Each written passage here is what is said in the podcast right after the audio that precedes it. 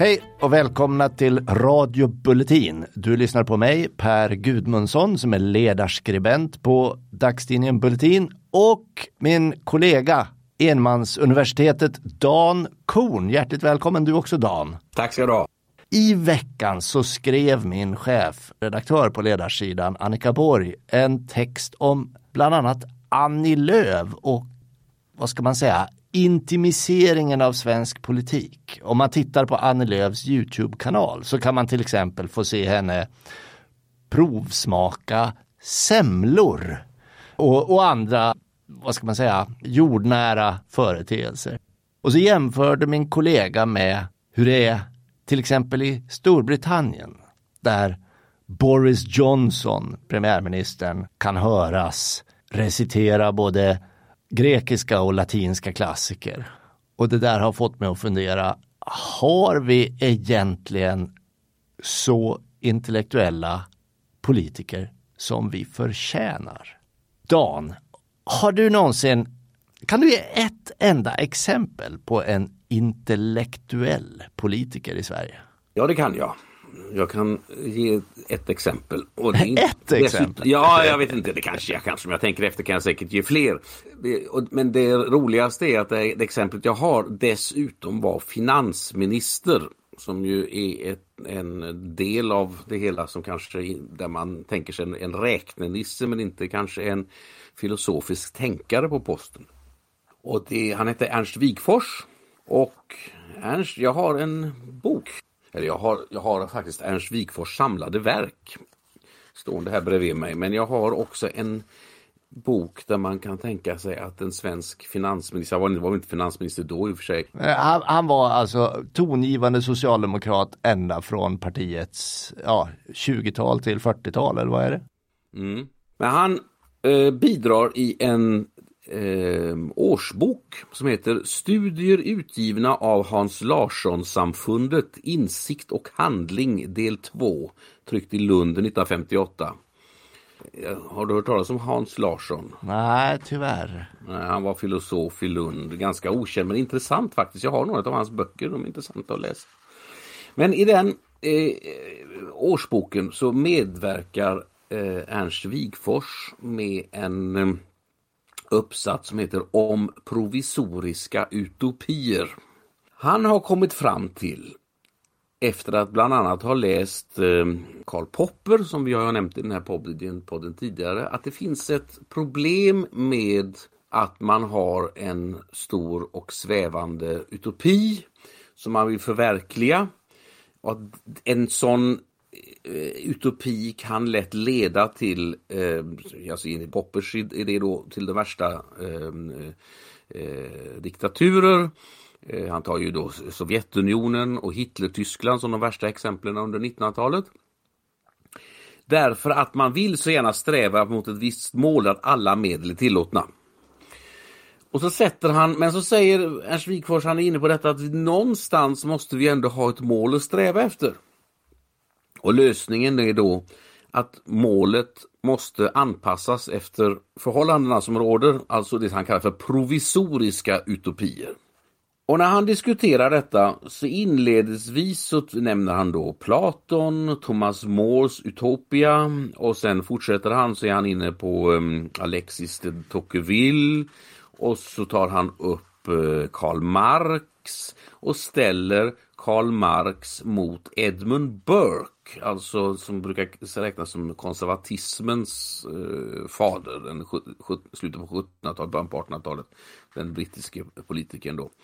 Ehm, och försöker hitta någon sorts um, gemensamhet mellan konservatismen hos Burke, liberalismen hos eh, Tocqueville och socialismen hos Marx.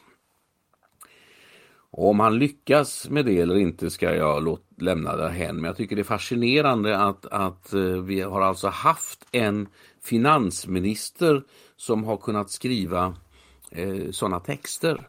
Om man, om man ska se först och främst då vad det är han säger där. Eh, mm. måste man väl se det i sin tid att vi var här eh, eh, i en period då socialdemokratin skulle forma sin egen väg till skillnad från kommunisterna som de hade varit enade med fram till 1917. Och, och, det var viktigt för Socialdemokraterna att staka ut en bana som var ja, reformistisk med våra eh, ögon. Då. Så att hans avståndstagande från den så att säga alltför kraftigt inslag av utopier måste väl ses då i förhållande till kommunism. För han var väl ändå socialist? Liksom, eller? Ja, han, han tar upp just detta att, att Marx idéer tolkas på olika vis i, i, i, i den demokratiska världen och, och, ställer det mot Sovjet och det gör han. Det, det tar han upp. Exakt hans egen, han, han är ju väldigt tydlig i många av hans skrifter. Han är väldigt tydlig socialist och marxist på ett sätt som Eh, socialdemokratiska politiker sällan är idag. Nej, men, men, men det tycker jag är, är, vi har ju en, när vi skriver vår historia, 1900-talshistoria och så tittar vi tillbaks på de stora socialdemokratiska tänkarna så ser vi dem ofta i ett Eh, vad ska man säga, ett, ett, ett eh, förmildrande ljus tycker jag. Eh, vi, vi säger då att ja, Nils Karleby framhäver man ofta som ett exempel på en, en, en socialdemokratisk tänkare som la grunden för en modern socialdemokrati som inte nödvändigtvis skulle leda till socialism. Men läser man Nils Karleby så, så är ju målet för honom också ett socialistiskt samhälle. ja, ja, ja, ja. Han, han är, men han påpekar också, det är intressant, du tar upp just Karleby här, nu har jag någonstans i alla mina bokhögar runt mig här liggande Karlebys bok men jag kommer inte åt ännu men jag vet att han tar ju upp också detta att eh, att, att bygga ett, han, han vill skapa ett, ett socialistiskt samhälle och så vidare men han är ganska noga med att påpeka att han inte är ute efter att riva ner och förstöra det som är gott i det existerande samhället. Alltså han är inte revolutionär på det viset. Va? Att eh, Wigforss är inne på, lite på samma, på samma väg här. Men det intressanta är också vilka skrifter som, som eh, Wigfors citerar i den här texten. Han citerar, till exempel när han läser Alexis de Tocqueville så citerar han inte den svenska översättningen utan han citerar De la démocratie en Amérique, alltså den, den, den, den, franska originalutgåvan tryckt i Bryssel 1840. Och man, men han citerar allting på svenska, han har alltså själv översatt Karl Marx från tyska, Tocqueville från, från franska och Burke från engelska i sin text. Helt och du menar att du har svårt att se Magdalena Andersson göra samma insats?